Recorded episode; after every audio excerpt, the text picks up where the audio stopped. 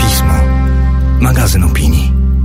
Cześć, z tej strony Zuza Kowalczyk. Witam Was jak zawsze w nowym odcinku podcastu A propos, w którym polecam co przeczytać, co obejrzeć i czego posłuchać, aby poszerzyć swoje horyzonty i wiedzę.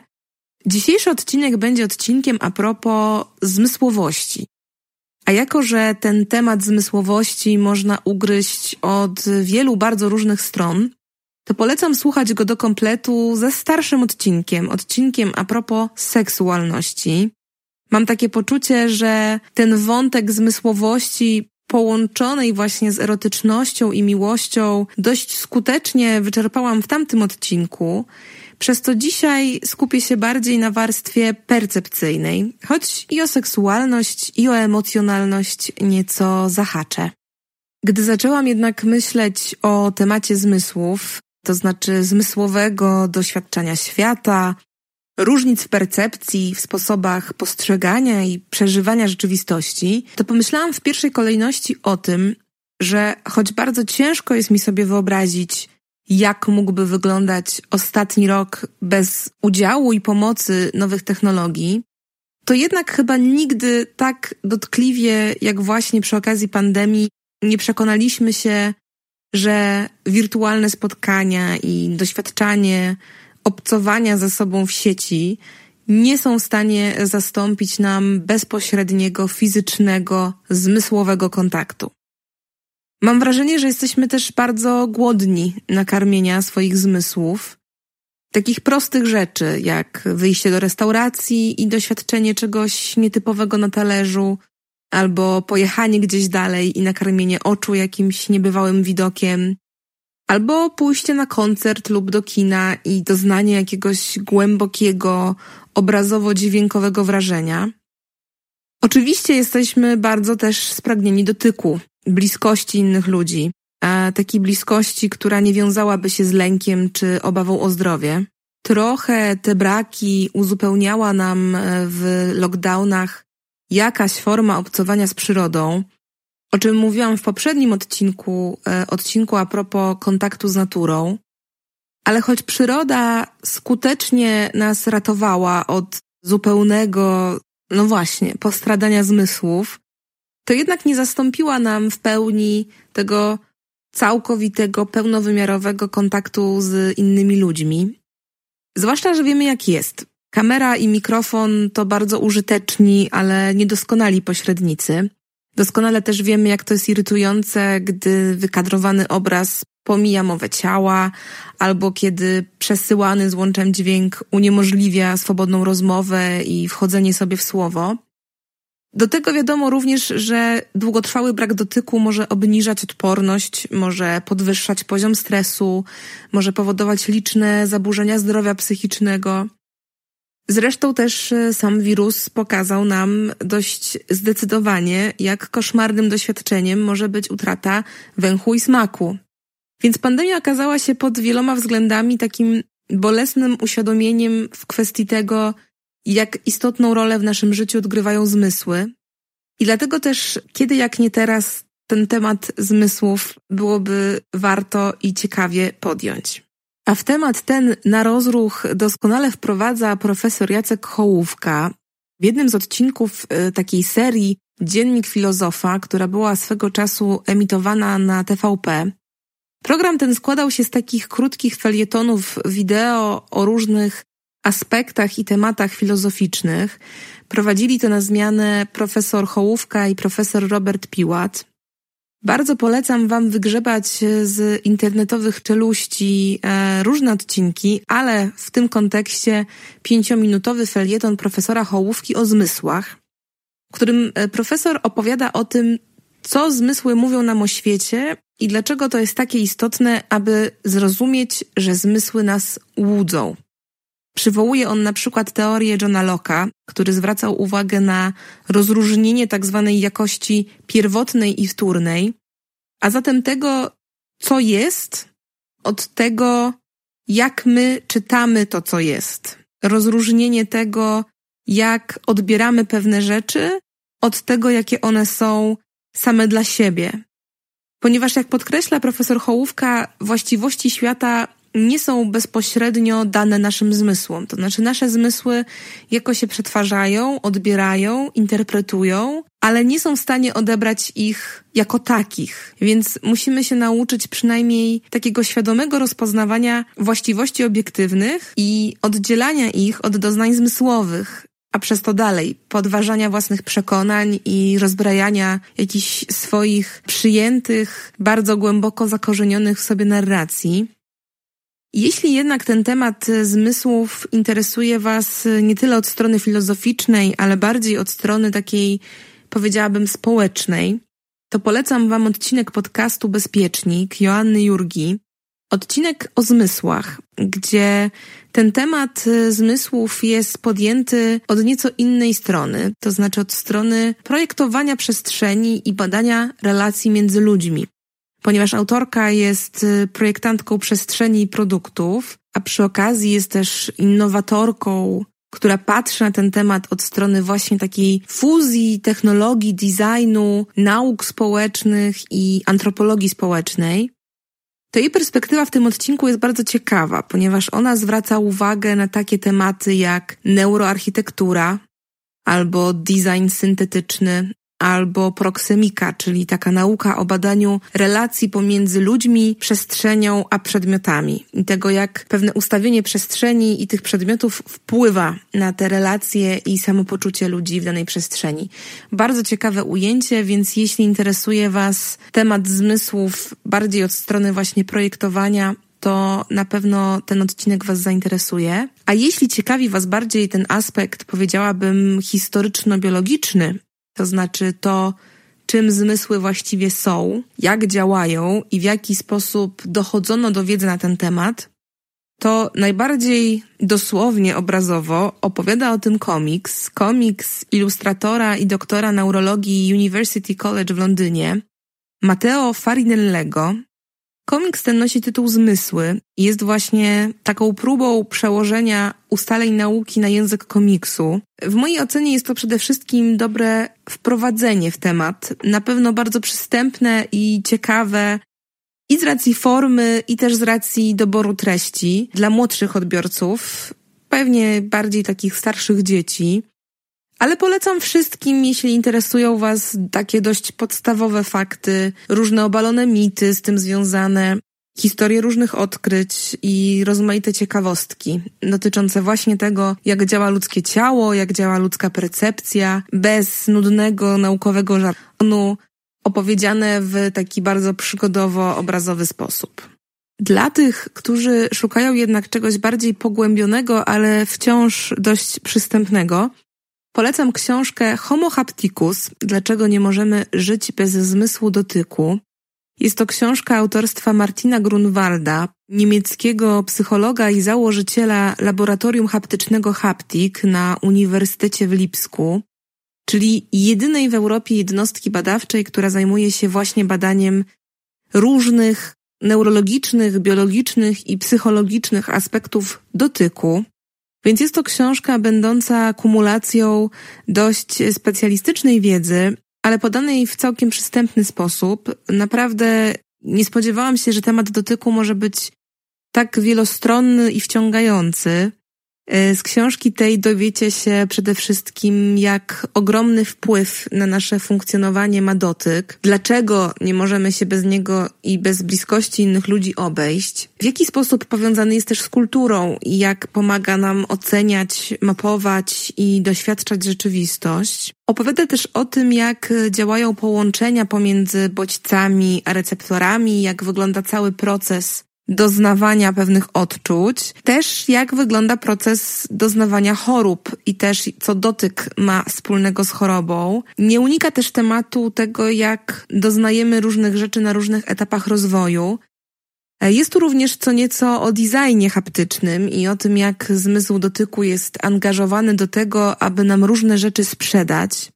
Więc jest to lektura bardzo wielowątkowa i jak sądzę wyczerpująca dla takich niespecjalistów w tej dziedzinie i bardzo serdecznie Wam ją polecam.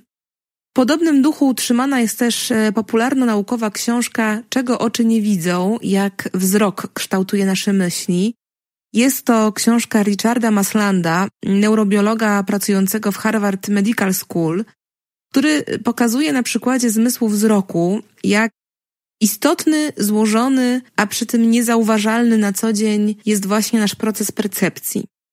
I pokazuje, jak odmiennie możemy widzieć te same rzeczy, jak wiele procesów interpretacji odbywa się na etapie zauważania i interpretowania różnych zjawisk i przedmiotów, ale też po prostu jak na poziomie takim neuronalnym możemy w różny sposób różne rzeczy widzieć. Masland wprowadza nas więc w tajniki działania mózgu i procesu widzenia, Odkrywa wiele ciekawych faktów na temat właśnie czytania świata oczami, ale też połączeń neuronalnych, różnicy pomiędzy rzeczywistością a jej subiektywnie odbieranym obrazem. Bardzo ciekawa pozycja do kompletu z Homo hapticus. Myślę, że ciekawie wyczerpuje temat tych dwóch zmysłów, czyli dotyku i wzroku.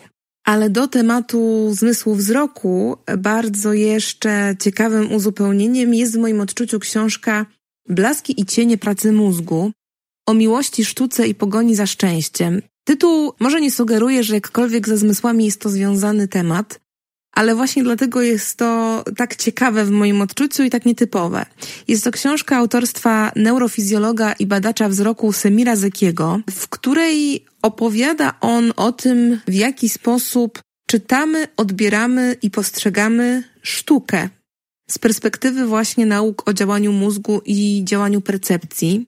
Zeki bierze na warsztat y, różne pojęcia z zakresu estetyki, filozofii, ale też psychologii, takie jak miłość czy piękno, i analizuje to, w jaki sposób nasz mózg je rozpoznaje, w jaki sposób kształtuje dany rodzaj przeżycia, co one oznaczają na tym poziomie neurobiologicznym. Przetwarza więc y, dość abstrakcyjne pojęcia w przedmioty takiego namysłu naukowego od strony właśnie procesów zachodzących w mózgu i zastanawia się nad różnicami w percepcji, nad sposobem czytania wieloznaczności przez umysł. Analizuje też zresztą różne dzieła sztuki i literatury właśnie z perspektywy ich odbioru, więc w moim odczuciu bardzo nietypowej perspektywy. Przygląda się też temu, jak na nas wpływa na przykład malarstwo, a jak wybitny tekst, a jak rzeźba, ale też przygląda się temu, jak właśnie to, jak na nas to wpływa, kształtuje nasz obraz tego, co widzimy. Dla mnie jest to super ciekawa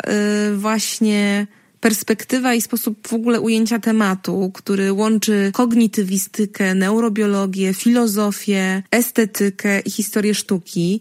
Więc jeśli na przykład y, chcielibyście przeczytać, jak wygląda neurobiologiczna analiza kultury jako źródła cierpień Freuda, to książka Zekiego Blaski i cienie pracy mózgu jest y, tym adresem i bardzo Wam jej lekturę polecam. Jeśli interesuje Was y, to przecięcie właśnie psychologii, filozofii z dużym jakby naciskiem na ten aspekt filozoficzny, to polecam też Waszej uwadze no nie da się ukryć dość naukową pozycję, ale bardzo ciekawą książkę.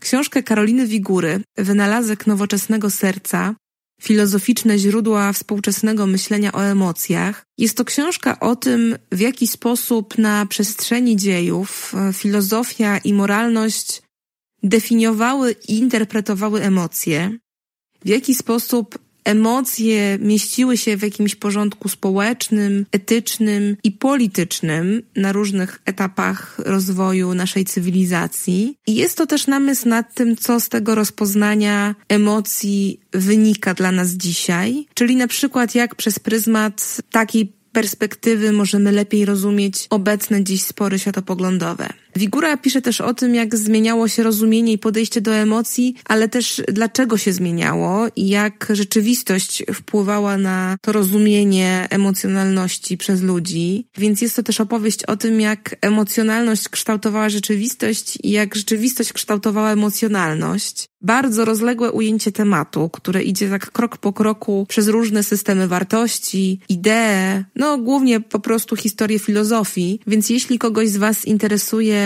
takie ujęcie filozoficzne w perspektywie historycznej tematu no, nie, nie związanego wprost ze zmysłami, ale z emocjami, a więc odbieraniem świata zewnętrznego i absorbowaniem go do świata wewnętrznego od nieco innej strony, to bardzo książkę Wigury Wam polecam. A o tym, jak zmysły poszerzają naszą świadomość i łączą się z procesami psychicznymi, pisze bezpośrednio dziennikarz naukowy Rudiger Braun w książce Siedem zmysłów, jak je zrozumieć i wykorzystać, by lepiej żyć. Jest to książka, która przede wszystkim jest taką zachętą do nieco bardziej uważnego przyglądania się naszym sposobom odbierania świata, a zatem właśnie procesom łączącym świat wewnętrzny z zewnętrznym, a więc też rzeczywistość materialną z duchową. Jest to taka próba wyjścia z tego czysto biologiczno-neuronalnego, fizjologicznego opisu procesów i zmysłów w naszym ciele, próba dojścia do jakiegoś wymiaru mniej fizykalnego, a bardziej związanego z psychologią i duchowością, taką drogą właśnie idącą od wrażeń ciała, Książka ta jest trochę teoretyczna, bo składa się i z tekstu autora, i z rozmów z różnymi ekspertami specjalistami bardzo rozmaitych dziedzin związanych z ciałem i zmysłami, ale jest to też książka nastawiona na ten wymiar praktyczny. Może więc nie polecam jej tym, których drażni taka poradnikowa formuła, ponieważ jest tutaj też zawarty zestaw proponowanych ćwiczeń i różnych praktyk do odbycia, ale dla tych, których ten aspekt uważności i zmysłowości prowadzącej do głębszego wejścia w siebie interesuje, to bardzo te pozycje polecam. Jeśli jest Wam bliskie i potrzebne szukanie właśnie takiej instrukcji posługiwania się zmysłami, to jest to rzecz jak najbardziej ciekawa i no trochę rozjaśniająca umysł w kwestii bardziej świadomego przeżywania świata dookoła nas. W temat bardziej świadomego i takiego dogłębnego przeżywania i no po prostu doświadczania, zwracania uwagi na zmysły, jak najbardziej wprowadza najmocniej chyba temat jedzenia.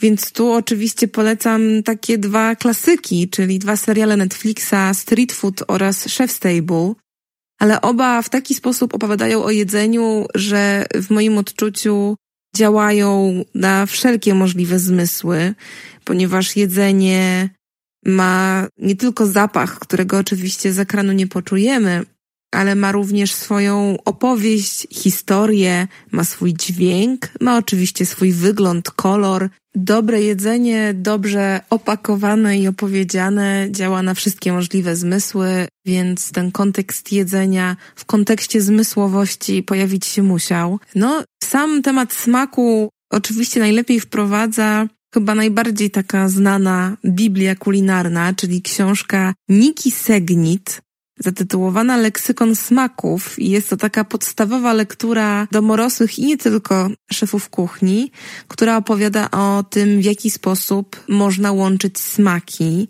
skąd te smaki pochodzą, jak mogą się w ciekawy sposób łączyć, przenikać, jak można z nich tworzyć przeróżne kombinacje, ale też jak wydobyć ich pełnię, pełną esencję. Więc jeśli kogoś z Was w temacie zmysłów najbardziej interesuje to, jak tworzyć jedzenie, które na te zmysły będzie działało, to leksykon smaków jest na pewno dobrym adresem.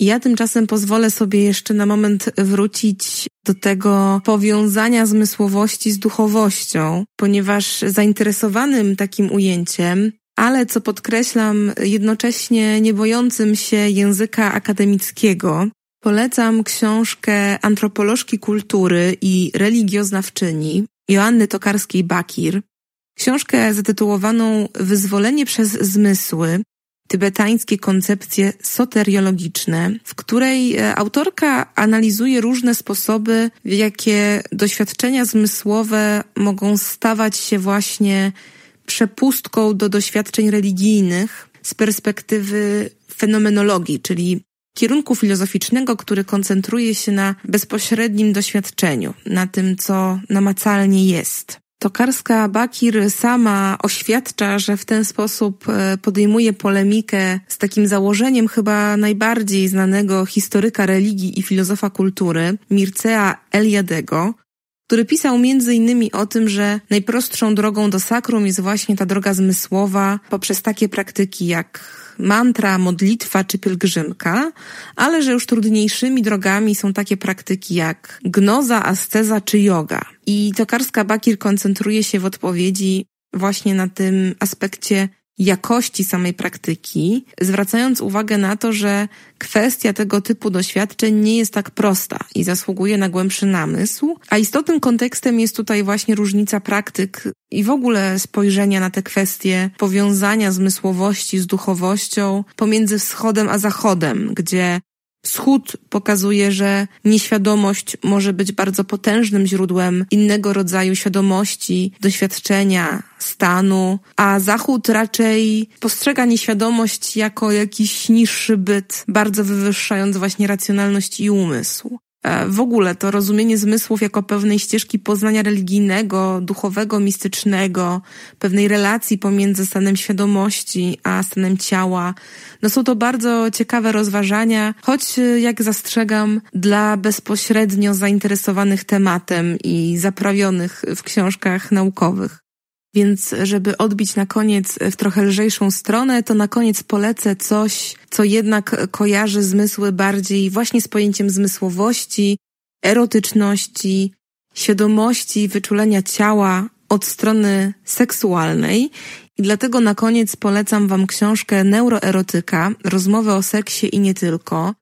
Jest to wywiad rzeka z profesorem Jerzym Wentulanim, bardzo znanym neurobiologiem i biochemikiem, którą to rozmowę przeprowadziła, choć nie do końca, bo powstanie tej książki przerwała niestety śmierć profesora, ale póki było to możliwe, to rozmowę tę prowadziła z profesorem Maria Mazurek, która pyta w tej książce o rozmaite ujęcia ludzkiej seksualności, od inicjacji seksualnej po seks osób starszych, od fantazji po pornografię, od prokreacji po antykoncepcję.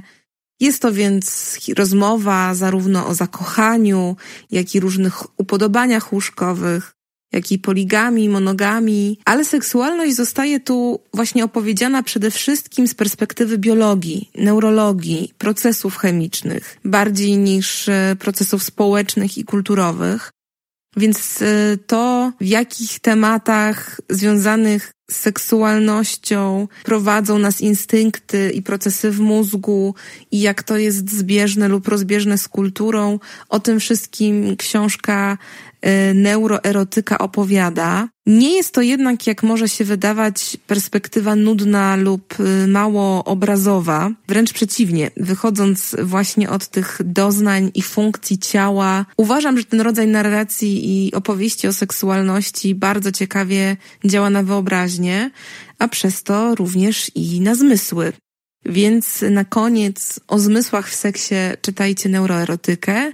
A jeśli ten temat seksualności Was jakoś najbardziej zaciekawił, e, to koniecznie oprócz odcinka a propos seksualności, słuchajcie, a raczej póki co wypatrujcie trzeciego sezonu Śledztwa Pisma. Bardzo, bardzo ciekawej, ważnej i potrzebnej do opowiedzenia historii. Więcej póki co nie zdradzę, e, ale jak zawsze ogromnie polecam, więc stay tuned i wypatrujcie na kanałach Pisma. A ja dziękuję Wam jak zawsze za dosłuchanie do końca i za to, że jesteście za propos i do usłyszenia niebawem.